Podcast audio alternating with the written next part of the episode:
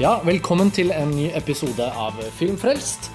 Vi er podkasten til eh, nettmontasjemontasj.no. Mitt navn er Karsten Weinik. Eh, Jeg sitter her sammen med Lars Ole Kristiansen. Hei. Og Lars Ole, det er jo du som er redaktør på montasjen nå. Jeg har jo permisjon, men jeg har jo eh, gleden av nå å, å, å stikke hodet innom for en podkast. Jeg har savnet det litt. Det, en god, det føles liksom som det er en god stund siden vi har hatt en, en av disse hvor du og jeg sitter og snakker om en, En film. tett og tett uh, ja. podkast. Ja, det er sånn Eh, nå. For denne episoden er en klassisk uh, podkast, eller klassisk filmfrelst, om film. Uh, Som ikke er så lang, og som skal handle om noe veldig spesifikt. Ja, det er jo egentlig en klassisk festivalpodkast, sånn Ja. som vi pleier å gjøre det når vi er på festival. Ja. Hvor vi bare tar opp en podkast om to-tre filmer vi har sett på en festival. Og den festivalen som vi nå skal snakke om filmer fra, det er jo da Oslo internasjonale filmfestival, OIF. Som eh, i disse dager går av stabelen på Filmens hus Mm. i Oslo. Og som vi anbefaler absolutt alle å dra på, fordi eh, det er et, som alltid egentlig, et utmerket program. Det er jo, Den går som en klokke, den. Festivalen kommer hver november. Fast, fast stemningssetter for eh, de ekte cineastene i Oslo. Eh, Er man i Oslo og har tid, så er det jo egentlig helt utrolig hvis man går glipp av eh, Oslo internasjonale filmfestival. For det er et av de mest vanntett bra kvalitetsfilmprogrammene på noen festivaler i Norge, egentlig.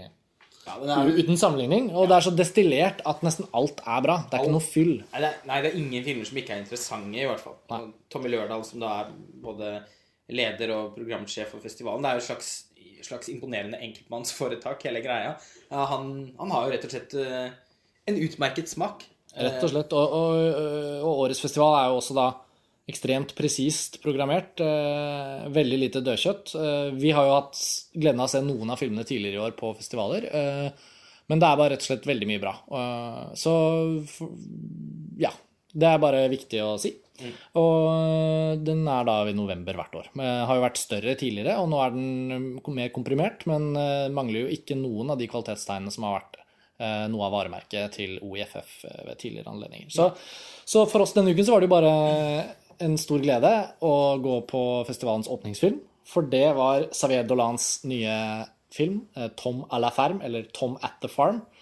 Og faste lyttere, som jeg nå føler jeg sier hver episode når jeg refererer til et eller annet, eh, vet jo at vi var eh, uttalte forkjempere for oppmerksomhet rundt Xavier Dolans forrige film, 'Lawrence Anyways', som er en av de absolutt beste filmene som er laget de siste årene, og som dessverre ikke fikk regulær norsk kinodistribusjon, men som vi i hvert fall klinka til og gjorde så mye vi kunne ut av, slik at den ble vist både som månedens film på Cinemateket, og den ble vist på filmfestivalen i Tromsø til fulle hus, og Xavier Dolan har jo vært distribuert i Norge.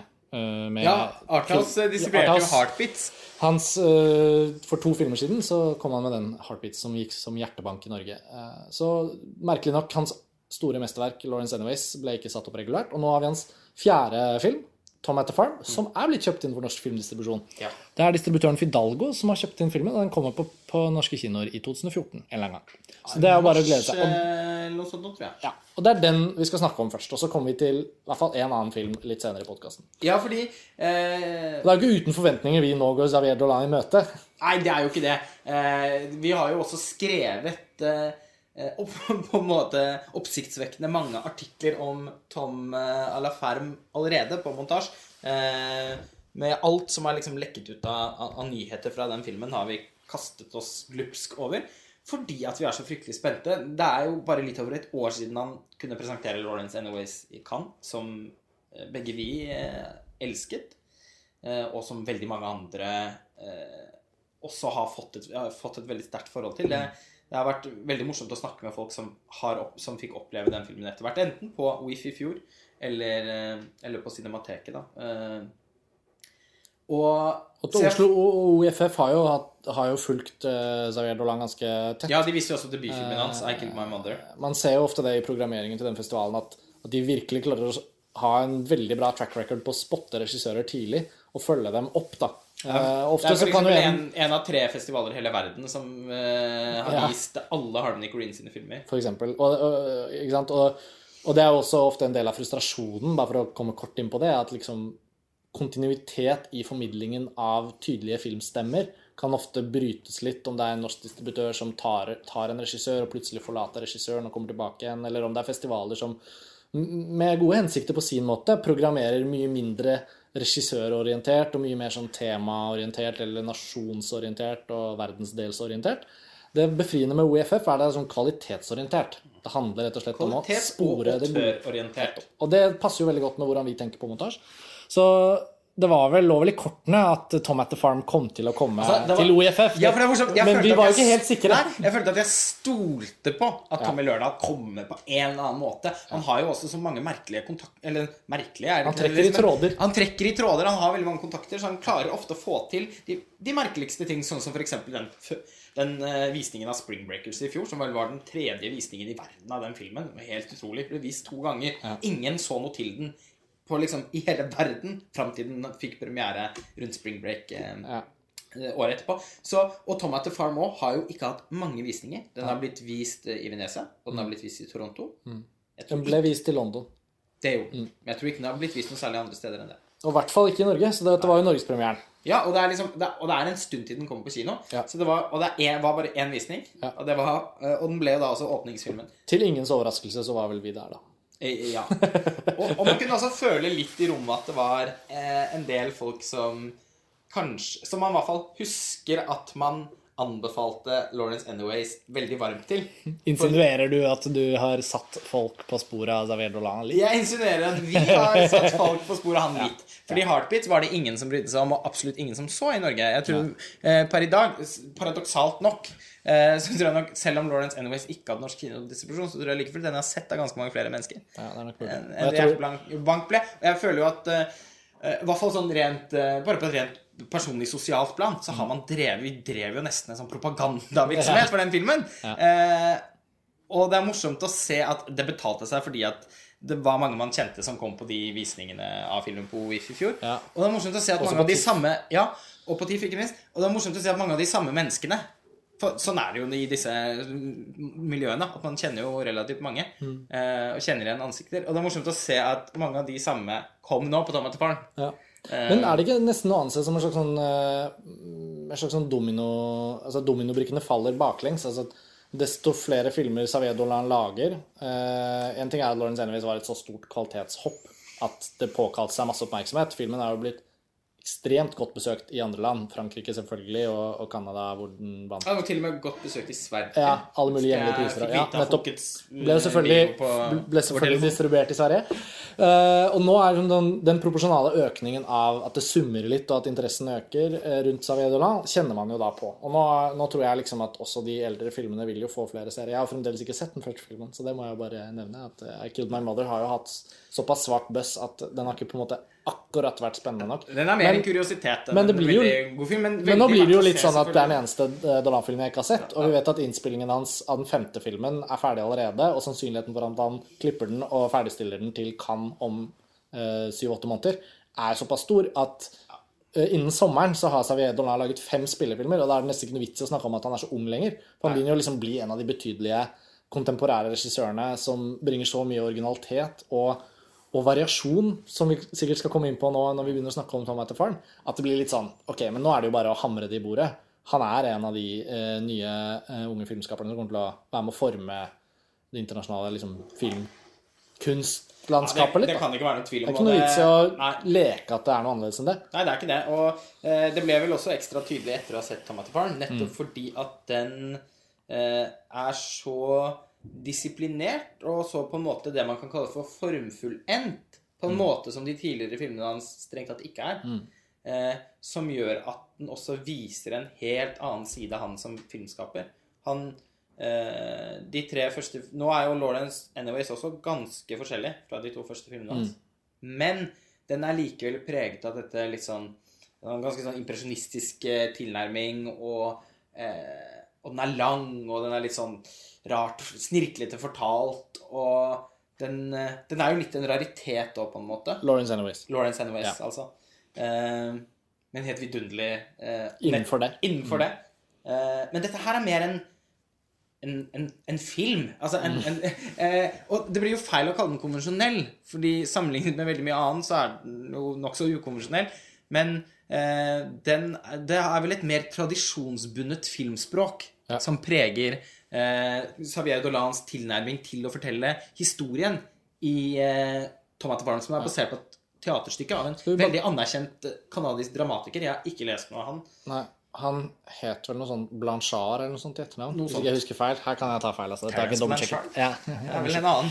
Men, men um, la oss si bare litt om plottet. da. Jeg tror ikke vi kommer til å spoile denne filmen for noen i løpet av denne episoden, eh, for den kommer jo på kino. Eh, Men det er ganske gøy fordi I Killed My Mother og Heartbeats har jo dette selvopp, uttalt selvopptatt, selvbiografiske, ungdommelige, litt sånn uflinke, men også litt sjarmerende. Sånn, og jeg kan si det om første filmen uten å ha sett den, fordi alt, alt tilsier at det ligger i det leiet.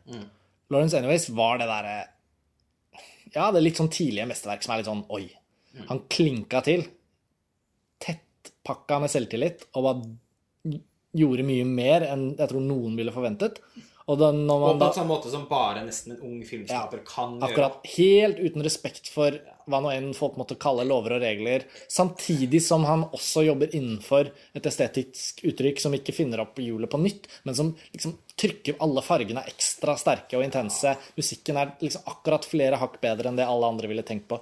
Så det er liksom bare Jo, men skjønner du hva Ja, jeg det mener? er så sant. Ikke sant? Og det er, og det er Lawrence Anyways. Eh, og man kan snakke masse om den filmen. Ja, den og så er det så deilig og interessant, fordi forventningene var ganske høye, så er det så deilig interessant at, at Tom at the Farm er sånn mm, Men ja, jeg kan også dette.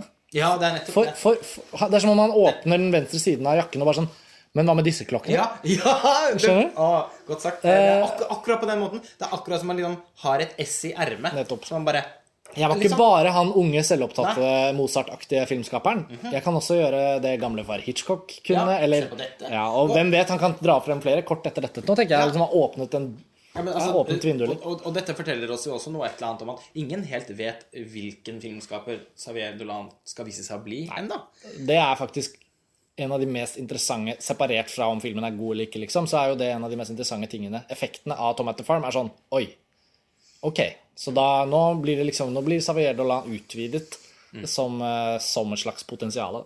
Men plottet er i hvert fall at en eh, ung eh, mann, spilt av Xavier Dolan selv, eh, reiser til begravelsen av sin kjæreste. Eh, en mann, ung mann som vi ikke blir kjent med. Han er ikke en rollefigur i filmen, men eh, det er eh, Saviedorna, eller Tom, da, sin kjæreste, som er død. Eh, 25 år gammel, bare. Og han reiser til begravelsen, og også for å treffe familien, som han aldri har truffet før. Men han, han skal oppsøke dem. Og når han kommer til denne familien, så består den bare av, av den avdødes mor og hans bror. Og de bor på en gård. Uh, og det er liksom Premisset er at han kommer dit, og at det er noe ubehagelig i luften. Både Toms egen sorg, som virker mangefasettert. Han er ikke bare trist, han har også en form for skyldfølelse. Og han er også nedtrykt av Det er liksom mange elementer, så han fremstår veldig interessant ganske umiddelbart. Det er noe med denne Tom, men det er også noe med denne gården, og det er også noe med disse folka i familien til den avdøde. Så det, veldig raskt så kjenner man på en litt sånn ubehagelig stemning. Eh, og det er utgangspunktet for fortellingen, da. Og så er det jo ikke noen hemmelighet at, det, at den ligger i et sånt thrillerlandskap. Jeg vil ikke si den er, den er ikke en uttalt thriller. Nei, altså, den, den har vel såpass den, den er jo ikke voldsom Altså, den, den er ikke preget av en sånn tradisjonell suspens. Nei, ikke sant. Eh, men den er vel Den er jo en psykologisk thriller mer i en sånn Roman Polanski-aktig forstand. Mm. Altså den eh, Den følelsen av nesten sånn eh, Nesten sånn surrealistisk uhygge som Ja. oppstår der ute på gården. Altså Bare noe så enkelt som at han aldri kommer seg derifra. Mm. Eh, Når han, og, og vi skjønner ikke helt hva er det egentlig som holder han der. Mm.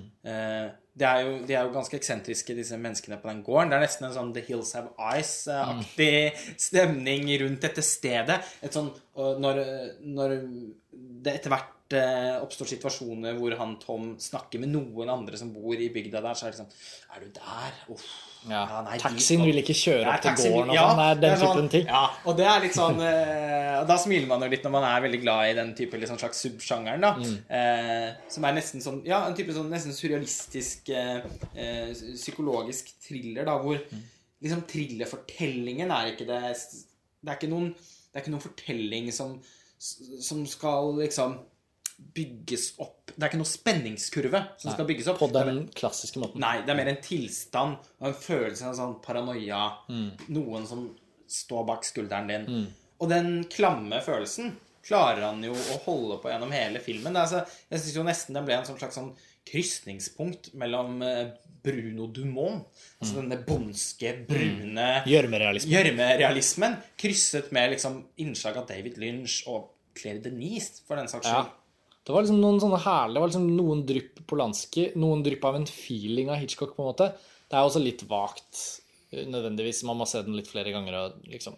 Men den, Soundtrack er jo ja, veldig ja, det er det. Men den føyer seg ikke direkte inn som en referanse til Nei. én spesifikk ting. Men, men det er en sånn Og- og veldig herlig relasjon til ting man liker. Ja. For det er sånn den, den gode smak av thrillere, der hører denne filmen til. Ja. Thrillere som liksom er Som har det thrilleraktige, men uh, som ikke går over i den B-thriller Eller sånn Ja, ja, det er en thriller, det var grei nok. Nei. Den er mye mer liksom intellektuelt interessant og og roll, altså, Den er jo karakterdrevet, liksom. Det er jo også et karakterportrett på mange måter. Ja. Og så er det også befriende, syns jeg, at filmen den, den hinter om eh, liksom det, det usannsynlige. Liksom, hendelser på film som er sånn ah, men det var sånn Det er sånn som bare skjer på film. Eh, at den har, har en, sånn- en følelse av at ikke det ikke er totalt sånn realisme den holder på med. Men så er man jo alltid redd for da Ok, men da nå Hva, hva blir overraskelsen her? Ikke sant? Kjente du litt på det? Jeg kjente i hvert fall litt på det. Første halvtimen, 40 minutter, så var jeg sånn Ja, ok, skal han gjøre en sånn en, da? Ja. Men så, så har liksom filmen ganske altså Åpenbart selvtillit, for det er jo hans, en av hans varemerker. Han Ja. vet jævlig godt hva han gjør, og han bare gjør det. Ja, ja. Og driter i om folk syns noe om det på den ene eller den andre måten.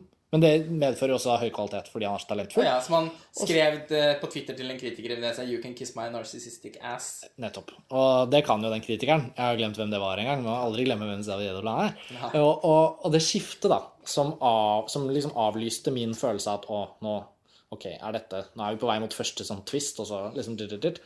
Og det er ikke det at det ikke kommer overraskelser i filmen, det er ikke sånn. Men, Nei, men ikke- men de blir ikke sånn. Nei, for det er nettopp Ikke den opp sånn. klisjé, ikke klisjéoverraskelsene. Det er mer bare at, at en sånn dynamisk uh, utvikling hos en rollefigur som føles veldig sånn Å ja, ja. Ja, det er jo Ja.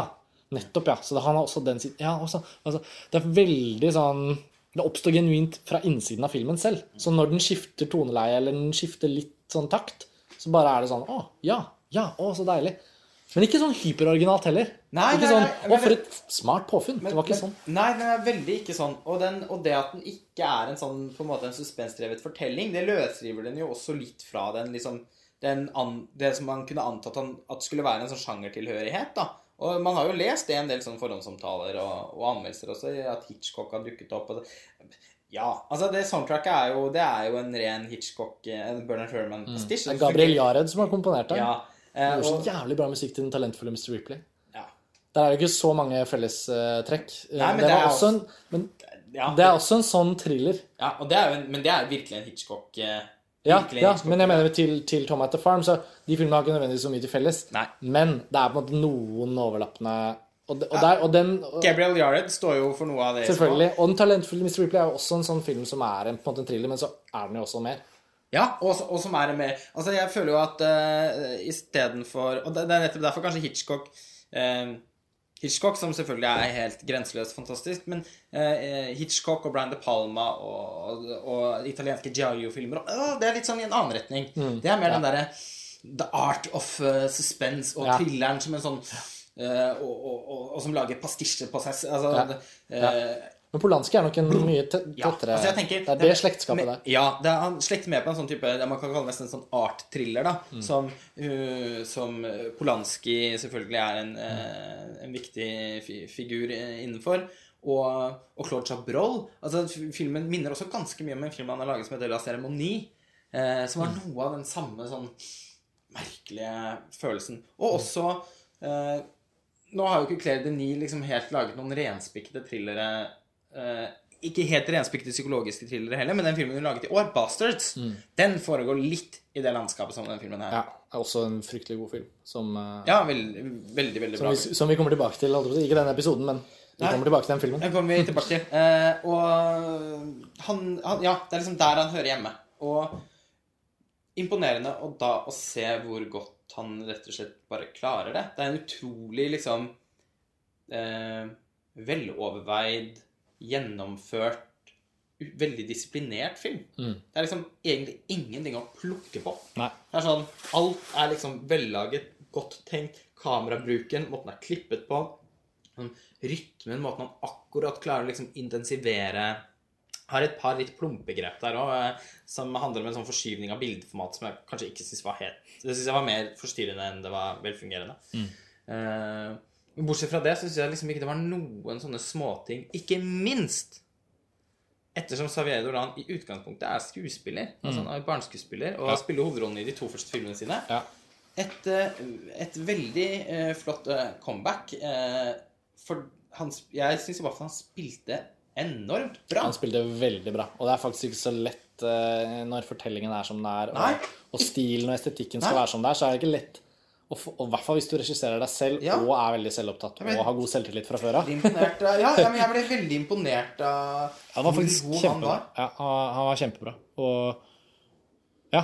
Og måten altså, sånn, voksent Han har et veldig spesielt eh, Han har jo veldig spesielt Han har, først, han har et veldig vakkert ansikt, Mm. men også et veldig sånn Men det er også litt rart. Og han er liksom Og det var noen scener Det er noe litt grusomt med smilet hans. Ikke for å men Nei, men det er det! Det, altså, det det er er litt, ganske mye tannkjøtt, og det er litt sånn hm, litt sånn The Joker. Ja. Og, tenk, og det var noen scener hvor han Uten å røpe noe for mye nå, men det er en scene hvor han blir forsøkt kvalt. Hvor han Det var noe med munnen hans da som fikk et sånn drag av både The Joker og andre sånn uhyl...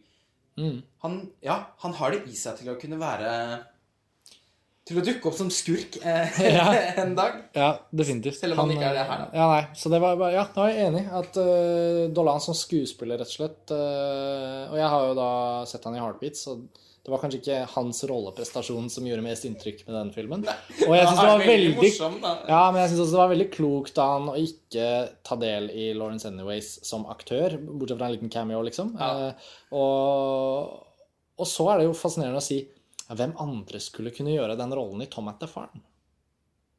Hm. Da ble jeg litt sånn Nei, han var nok også perfekt castet, på Ja, sett og vis. ja, virkelig. Altså, Man kan sikkert finne en annen, det er ikke Ja, det, ja, men sånn han, var, han var helt Ja. perfekt i den rollen. Uh, og, så var det, og så var det vel Så var det vel da også synlig at et par andre sentrale skuespillere ikke var helt så bra som han, men det gjorde ikke noe for filmens kvalitet. Men det var sånn man merket sånn Ja, han er definitivt den som Ja, nailer dette ja, best. Han var den beste skuespilleren. Fordi toneleiet i filmen krever at det både er liksom troverdig, realistisk skuespill, men at det også skal indikere dette litt sånn en- Om det er noen sånne virkelighetsforskyvninger. I hvert fall, i hvert fall spørsmålet om det er det, eh, må liksom spilles sånn at det blir akkurat litt karikert. Ja, litt sånn Man kan si at det er noen av de andre Jeg syns hun moren var veldig god, da. Eh, Mm.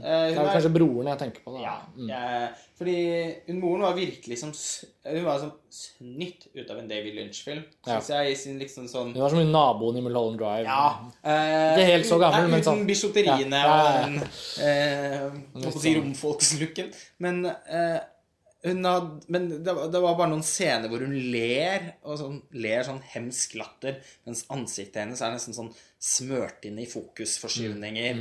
Og sånn Veldig David Lynch. Mm, Ja. Eh, Den, den scenen hvor de eh, sitter rundt bordet Ja. og snakker om eh, den pappesken ja. eh, de, Alle de fire, eh, de fire største rollefigurene i eh, Tom at the Farm sitter rundt et bord og snakker sammen. Og så går filmspråket ganske raskt over i noen sånne serier av nærbilder. Uten et eneste annet innklippsbilde som tar oss litt mer ut i rommet igjen. Hvor det bare er sånn intenst nære ansikter som snakker sammen og til hverandre og ser på hverandre, og, liksom, og intensiteten øker.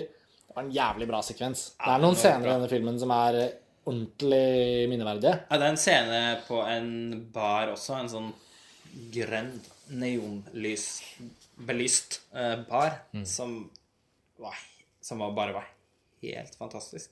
Eh, og på en måte som Det er kanskje der man ser hvor bra filmen på en måte har potensial i seg til å kunne være. Fordi det skal jo sies at det er noen, noen av scenene med Tom og han broren til Toms avdøde kjæreste som ikke har helt den elektrisiteten som skal til for at det fungerer helt på ypperste liksom, Ja. nivå. Altså Det kan vi jo slå fast at Lawrence Anyways vil jo fremdeles være Zavedolans aller beste film.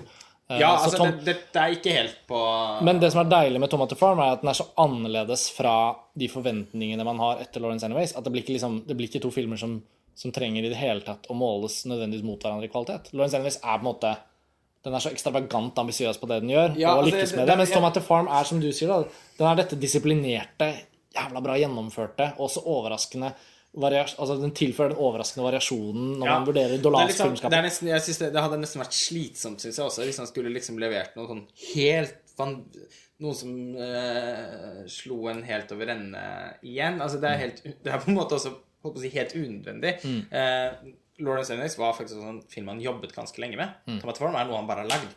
Nå har han, lager han en ny en med en gang. Og, det er liksom, Ja. og jeg syns det er litt det er altså litt fantastisk også at Eller fantastisk Det er litt sånn perfekt, da. At han har laget akkurat den type filmer nå. At han viser At han på en måte, nå som Lawrence Anyways har overbevist de fleste som er mottagelige for en sånn type film, og tenker at «Huh, Oi, hvem er dette? Skremmende talentfull. Eh, og så eh, og så kommer liksom, som vi snakket om i stad, litt sånn fra venstre denne Tomato Farm sånn, hm, Men se, jeg, jeg kan nok også lage sjangerfilm. Ja. Eh, og dette er hvis, eh, hvis Hollywood på noen som helst måte skulle oppdage Dolan, så, så er dette en start. Nå håper jeg ikke nødvendigvis det.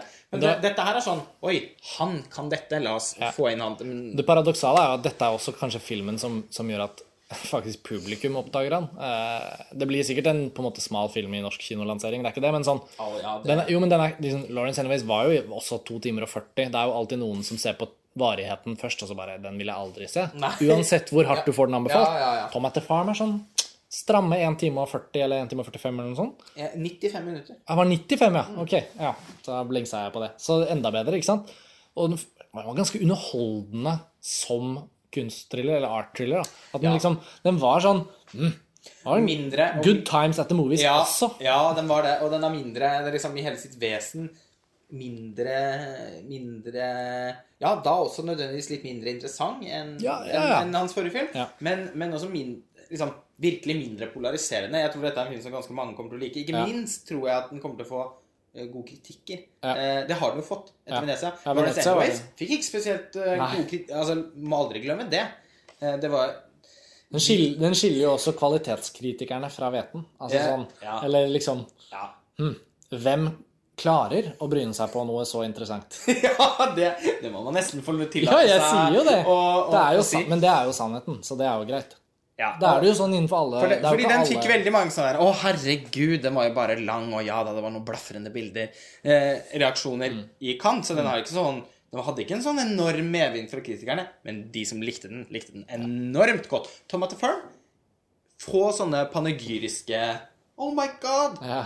Men også veldig få negative. Her er det fleste sånn Oi, imponerende. Nå begynner Xavier Dolan virkelig å Ja, ja, vise seg som en vi må følge med på. Og det er jo en veldig fair vurdering av Tomato Farm. Den Mm. ligger jo i det landskapet. Og det er så fint. altså jeg tenker sånn, Hvis vi ender opp med en eh, Dolan-filmografi som Hvis han holder dette tempoet, da. Så, så Hvor mange er det Woody Allen har laget nå? 48? Ja, noe sånt. Ja, noe sånt. Så, så eh, Dolan er i mine øyne velkommen til å bare lage masse film. Eh, og da, da er det jo bare sånn Tomato Farm er typisk en av de sånn innmari bra Ja. Den må du se. ja. Eh, Ta Polanski, da. Han har jo noen av de der kjempebra filmene innimellom. Sånn Frantic. Frantic. skulle til å si. Ja. Frantic, Ja. som hvis dere hører på ikke har sett Frantic, av Roman Polanski med Harrison Ford og um, godeste Emanuel Seiner. Ja, eh, som er en superbra film. Men i hvert fall for meg, da. Fordi den kom jo på kino i 88 eller 87 eller sånn. Det er jo en sånn Ja, ja. Og så har jeg liksom ikke fått sett den før, bare nylig. Og, og det er sikkert derfor jeg kom på den nå. eh, Men dritbra. ja Ikke på langt nær Polanskis beste. Nei, nei, nei. Men sånn, Sånn- tenk at han kan lage så sykt bra filmer som Polanski gjør på sitt beste. Og så er liksom, under det så er det sånn noe så bra som Frantic. Ja. Litt der tror jeg Tom etter Farm kommer Ja, til å liksom bli stående. ja, og eh, sånn Det blir nesten en enda mer konkret sammenligning, men når vi først er inne på det, så klarer jeg ikke å dy meg for å ikke nevne det. eh, Eller dy meg for å nevne det. Death, uh, The Death and the Maiden til Polanski, som er basert på et teaterstykke, og som også er en sånn Ja, grenseland ja, mellom nettopp. drama og thriller, og som foregår ute på et grisgrendt, sted rundt et hus med en veldig lignende type kammerspill, tre personer. Ja, da er det jo veldig mange Plutselig ikke fast en veldig relevant relevant samling. Jo, men den er også sånn Ja, nei, ja, det er ikke toppsjiktet av Polanski sine filmer, fordi de beste filmene på Polanski er noen av de beste filmene i hele historien. Men, eh, men den er sånn Når jeg tenker på den, så tenker jeg liksom Nei. Ja. Å, den må jeg se igjen. Ja. Sånn er Tomat Farm. ja. Og den føles som et sånn karriere... Nå som, i, nå som det er Magnus Carlsen-feber. Et karrieremessig sjakktrekk. ja. Og det var en veldig fin bro, fordi vi skal jo snakke om en annen film i denne episoden nå. Ja, det var litt det jeg tenkte. Ja, og Magnus Carlsen har akkurat blitt verdensmester i sjakk. Eh, filmfrelst, montasje. Alle vi på vegne av Film-Norge kan gratulere Magnus Carlsen med VM-tittelen i sjakk. Så flott. Jeg har, kan absolutt ingenting om sjakk. Jeg har nettopp lært meg hva remis er for noe. Ja. Men vi har sett en film som heter Computer Chess. Regissert av Andrew Bujalski, en amerikansk indie-regissør. Og den vises også på OIFF. Jeg så den i Berlin da vi var der, og da gikk vi vel hver til vårt eh, Jeg husker ikke hva du var og så, men jeg var i hvert fall og så Computer Chess alene. Eh, og du har sett den nå i forbindelse med OIFF. Mm. litt kort om Bujalski. Han har vel ikke hatt noen filmer distribuert på kino i Norge. Men eh, Tommy Lørdal og OFF har vel vist nesten alle han har laget, tror jeg. Han regnes som på en måte Innenfor amerikansk independent så er det jo mange grader av independent. Og innenfor gradene av independent så er det jo også mange forskjellige Om ikke bølger, så er det i hvert fall noen bevegelser. Det kan være knyttet til områder i USA hvor det lages liksom noen filmer som lages borti der, og noen som lages der, og det er litt sånn. Og mye amerikansk indie som er bra, reiser jo ikke noe særlig over landegrensene, fordi de filmene har ikke råd til å ha de kjente skuespillerne. Og de kjente skuespillerne er det som sørger for utenlandssalget, og etc., etc., etc. Så rundt omkring den amerikanske filmfestivalen South by Southwest så oppsto det Eller så kom det og ble det programmert inn en gruppe filmer tidlig på 00-tallet eh, som ved tilfeldighet ble kategorisert som mumblecore. Eh, og begrepet mumblecore ble eh, coined, eller liksom ble funnet på, eh, ved en spøk av lyddesigneren, eller lydmannen, til Andrew Bujalski i et intervju med en journalist i The Austin Chronicle, hvis ikke jeg husker feil. Så mumblecore, som nå er litt Det er et begrep. Det kommer ikke til å forsvinne. Det er begrepet man bruker. Om denne gruppen, som var en type indie-filmskapere som med ekstremt få midler tok kameraet i sin hånd og skjøt disse små mumlende, samtalebaserte eh, fortellingene om unge mennesker på sin egen alder, på en måte. Joe Swanberg, Aaron Katz, Andrew Bujalski, til og med Lena Dunham, som nå ble jo stratosfærisk kjent med TV-serien Girls, kom jo fra det miljøet og lagde sin første film eh, eh, der, og fikk sitt gjennombrudd med den andre spillefilm, Tiny Furniture, på samme festivalen. De bruker mange av de samme folka. Altså, det er sånn her, Greta Gerwig. Ja, Greta eh, Gerwig, er selvfølgelig, som nå er blitt- Nesten et ikon. Ja, med Frances Ha, ikke sant? Eh, det er jo Baumbach, Noah Baumbach, som ser på den yngre generasjonen, den bølgen av filmer. Han har produsert ting for Joe Swanberg, plukker opp Greta Gerwig som Joe Swanberg brukte. Hun plukkes opp både eh, romantisk og profesjonelt av Baumbach. Han bruker henne i Greenberg, og så Frances Ha. Og Frances Ha er også Plukkes opp, også opp av Whit Stillman, Nettopp, ja, som i sin tid var en slags indie-indie-filmskaper. Så det, alt dette binder seg sammen i et spindelvev, og hvis man følger med, så ser man det. Og hvis man ikke følger med, så vet man ikke at det eksisterer. For det er såpass lite også. Så Bujalski, han har laget disse filmene, da. Funny Ha-Ha, Mutual Appreciation, Beeswax og nå Computer Chess. Og han er en veldig besynderlig fyr, fordi bølgen defineres jo litt av denne videoestetikken, det håndholdte kameraet, men sånn Han har skutt fleste filmene sine på 16 mm. Litt sånn Egentlig en litt sånn god gammeldags filmskapertype. Skjegg ser ut som en ung Francis Ford Coppola. Og så nå på Computer Chess så bestemmer han seg for å da lage en film satt til tidlig 80-tall Ja. på en messe hvor eh, folk som holder på med å programmere datamaskiner tidlig liksom i dataalderen til å kunne spille sjakk, de møtes for å la datamaskinene sine spille mot hverandre. Uh, og denne, denne kon, liksom, Hva heter det? Sånn uh, altså, Ja, konvent. Altså sånn konferanse. Altså sånn, Ja. Man møtes og har et slags På, mesterskap. et- på, et, På et- på, på et, sånn, fryktelig blast konferansehotell. Denne fortellingen den bestemmer han seg for at den skal han skyte i originalformat på sånne helt obskure videosignalkameraer. Som er ikke sånn digital video helt, men sånn analog video. Sånn Ja, sånn- signalbasert bildestruktur. eh, Som han snakket litt om på Q&A på Berlinalen Altså, visningen. som, som Fotografen var der også. Han var der, ja, for det ser ut som sånne gamle familievideoer Og det er Ja, og det, og, i sort-hvitt. ja så filmen er i sort-hvitt. Den er skutt på dette Det er sånn, ja, sånn, eller sånn tidlig TV eller sånn, Veldig, veldig, veldig rart. Ja. Og Computer Chess, som vi altså, snakket sånn- om i går. Ja. Helt utrolig rar film. Ja, det, Den ser ut som den er filmet, men jeg husker når det var sånn juleavslutning og sånn, da jeg gikk på skolen, så var det alltid noen foreldre, par som foreldre, filmet, ja. Mm. som filmet som hadde kamera. Det var sånn enormt kamera. Og, og bildene de var riktignok i farger, men Ja. ellers så de veldig ut Ja. som i computersett med, sånne, med sånn skrift, sånn Ja. tidspunkt, tastet inn hva det heter for noe. Juleavslutning. Så den eh, computer chess er, er veldig merkelig. Men ikke bare i det estetiske uttrykket, men den er også sånn Det den har av en slags fortelling, og det den skildrer av et miljø, altså sånn data Gamle datamaskiner. Sånn eh, datamaskiner da det var sånn Det var maskiner. Ja, de, Altså sånn, Vår tids datamaskiner er jo sånne chipper inni liksom, Ja, ja. smarttelefoner eller Mac-er, og alt ser så elegant små, og fett ut, liksom. de er sånn små, eller ikke spesielt små engang, roboter. Nærmere robotene. De, De- rulles inn. ruller- det er og det er noe sånn Og det er, det er så flott tid òg. Det er så flott estetikk. Sånn, sånn der, de, sånn de første dataspillene. Sånn mm, Det skal tastes inn, du skal inn i DOS og skrive en kommando, så starter spillet. Du er heldigvis der i farger, etc., etc. Det er liksom den tiden der portretteres, og veldig flott, syns jeg, er portrettert sånn, som sånn eh, tidsdokument, på en måte. Når de Um, ruller bortover på maskinene sine i disse gangene på hotellet Ja. og liksom støter på hverandre. Ja. En liten flørt oppstår. ja. Eller anerkjenner nikk. Ganske morsomt å se på. Og så er det, det er en veldig lun og rar humor som jeg på ingen måte syns var sånn slå seg på låret morsom. Men jeg, jeg, jeg syns underfundigheten i filmens humor fikk meg til å liksom dra på smilebåndet egentlig gjennom hele filmen da jeg så den. i hvert fall. Litt sånn mm, det, Tenk at de byr på dette. Ja, jo, sånn.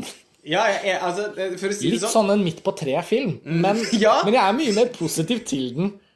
Jeg kan ikke Nei, men jeg Hvorfor skulle jeg ikke være det? Det er en sånn film. Ja, jeg er enig. Man, man føler at uh, Det er ikke noe man kan ta fra den filmen.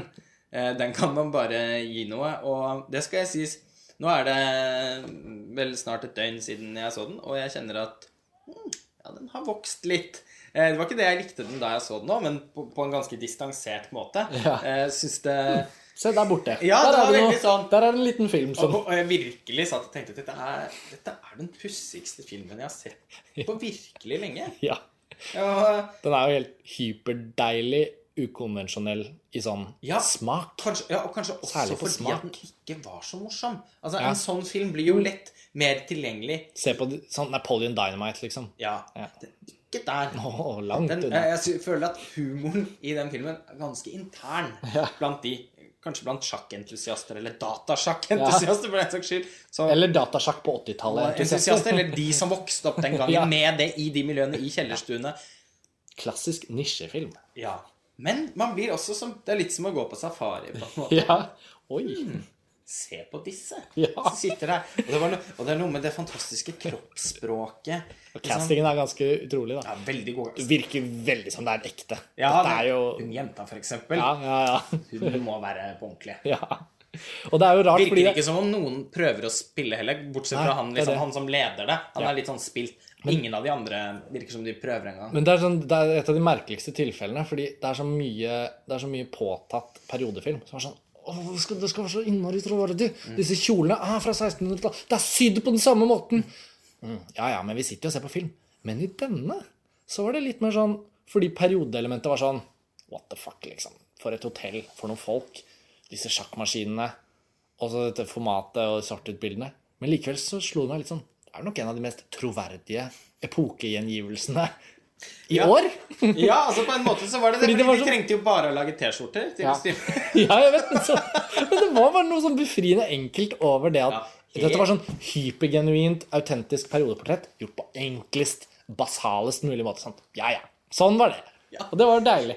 Ja, men, jeg, Men jeg merker jeg klarer ikke å gjenfortelle historien i det hele tatt. det er vel heller ikke noe særlig ikke til historie. Nei, men det er jo dette med elementet om at det oppstår en viss sånn Altså, Det- den, den grenser jo mot at den går over i noe sånn Nesten noe science fiction. Ja, det det jeg ja det er. Men det er bare helt til slutt. Ja, men jeg føler det jeg men nesten sånn- er en sånn liten sånn Det er- Hva med dette? ja, Ja, ja. eh, Men, den åpner i hvert fall den døren. ja, det litt sånn og, og det er litt underbygget, fordi at man kan si på, på den ene siden så Artificial intelligence på en sånn, sånn urmåte.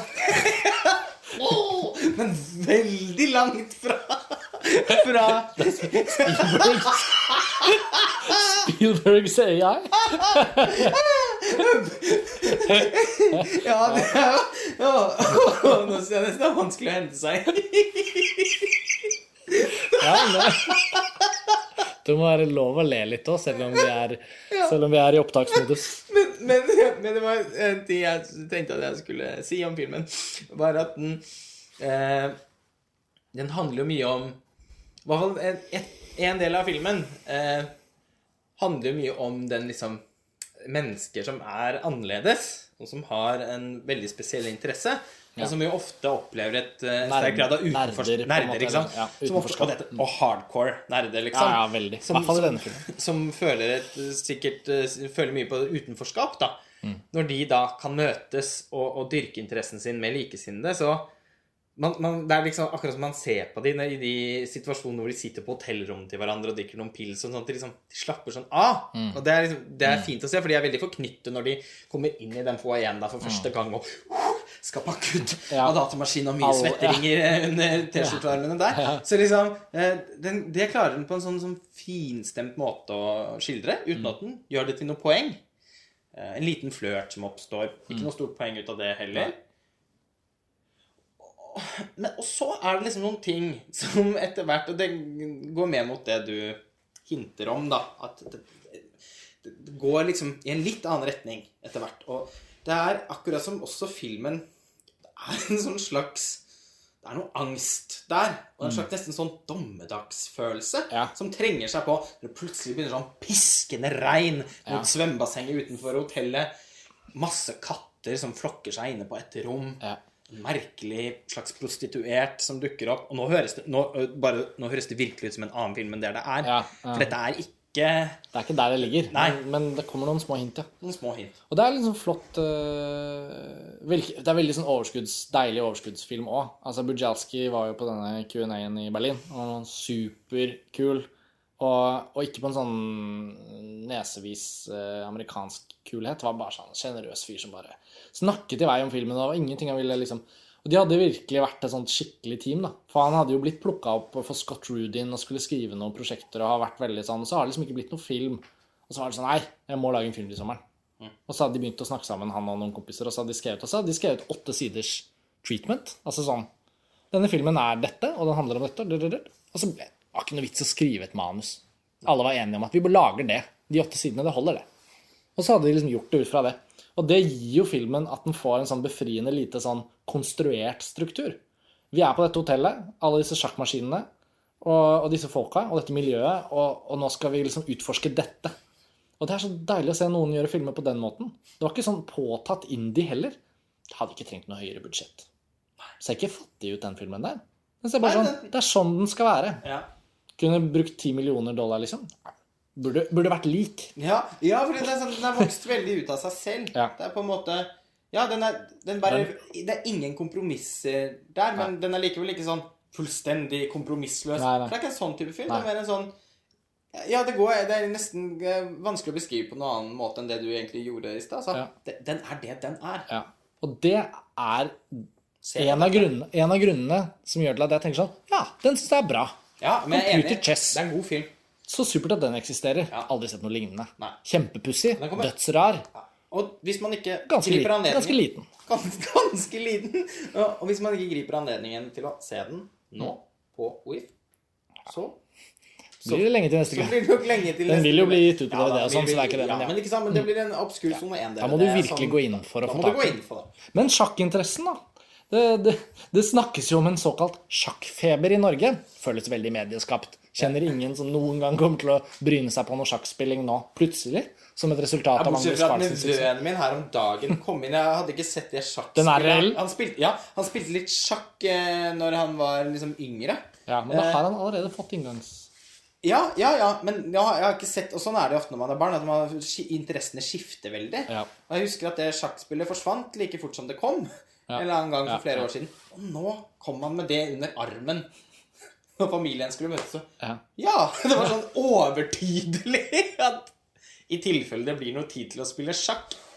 Ja, så, så, det, så, så det er vel litt feber òg, da. ja. Det er vel litt feber òg. Men man merket Eh, ikke så mye til den feberen under visningen av computerchess. Fordi Nei, og, men, men hvis da noen som hører på, har, har blitt rammet av sjakkinteresse, og tenker at nå skal jeg se sjakkfilmene som er laget, så da tenker jeg kanskje at computer chess er en viktig sånn bifigur i det universet. Ja. Så det er også en slags anbefaling. Samtidig som det føltes ut som den ikke var så mye om sjakk. Det var vel en av de tingene det handlet minst om. Jeg vel nesten handler vel absolutt ikke om sjakk, men- egentlig, i det hele tatt. Flåklypa handler vel nesten like mye om sjakk Ja. som Ja. Det, der fikk du oppsummert det ganske han spiller sjakk med Ja. katten.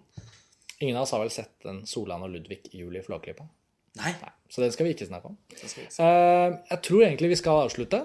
Ja. Det var de to filmene på UiFF som vi hadde planlagt å snakke om på den podkasten. det blir flere podkaster før året er omme, uh, så det er bare å glede seg til neste gang. Uh, men som sagt, jeg er ikke like sånn hyperaktivt involvert i podkaster og montasje for tiden, så det kan hende det blir en stund til dere hører noe fra meg. Men Eller motsatt. Plutselig kommer jeg inn fra siden. Hvem vet? Vi vet jo at det er noen podkaster som Jo, men- skal komme men- som ja. Men, men La oss, eh, la oss holde det kryptisk inntil videre. Eh, men, eh, men månedene går jo fort, så plutselig er jeg tilbake igjen. Men jeg benytter uansett anledningen til å si at dette var jo hyggelig. Ja, det var det absolutt. Og som vanlig. noter dere Tom at the Farm og Computer Chess. Egentlig to anbefalinger på hver sin måte. Ja, det vil jeg si. Og kort så kan jeg også stikke inn at jeg så en annen film, men den har ikke du sett, så det er ikke like morsomt å snakke om. Men det ble vist en annen film som Tommy Lørdal helt, veldig sånn uttalt På OIFF, anbefalte. Ja, en- På OI- OIFF. Eller OIF, som jeg liker å kalle det. Eh, som heter The Dirties. Eh, som er en film om en skolemassaker. Men eh, en slags komedie. Eh, som han anbefalte veldig sterkt. Sterkt til alle som satt i salen eh, og så Tom etter the Og jeg hadde ikke, det var ikke en av de jeg hadde liksom klokket til. Så jeg Men så vet du jo at nesten alt Egentlig alt som vises, ja, ja. er bra. Så det er, mer, det er jo, ja, så det er bare et tidsspørsmål. Mm. Og, og så eh, fikk jeg en åpning sånn at jeg fikk skjønte at jeg kunne få med meg den filmen. Så jeg gikk og så den. Og den var veldig interessant. Eh, Så hvis denne podkasten kommer ut i tide til at det fortsatt er visninger av The Dirtiest så vil jeg i hvert fall anbefale den på det varmeste. Veldig bra. Den hørtes veldig spennende ut da du fortalte om den. Du får ikke tid til å fortelle om Nei, alt nå, men, det eh, nå, du men, kan, det er en god plassering av et lite sånn mm, Sjekk ut den. Sjekk ut The den. Dirties. Jeg fikk i hvert fall veldig lyst til å se den. Google filmen, og så eh, tror jeg den også virker ganske umiddelbart som noe spennende, og det, og det var den også. Det var ikke bare et kult premiss, men en ganske Da avsluttet vi med å åpne et vindu. Rett og slett. Takk for nå. Takk for at dere hører på. Ja, takk for nå. Så høres vi snart. Det gjør vi. Ha det bra. Bra.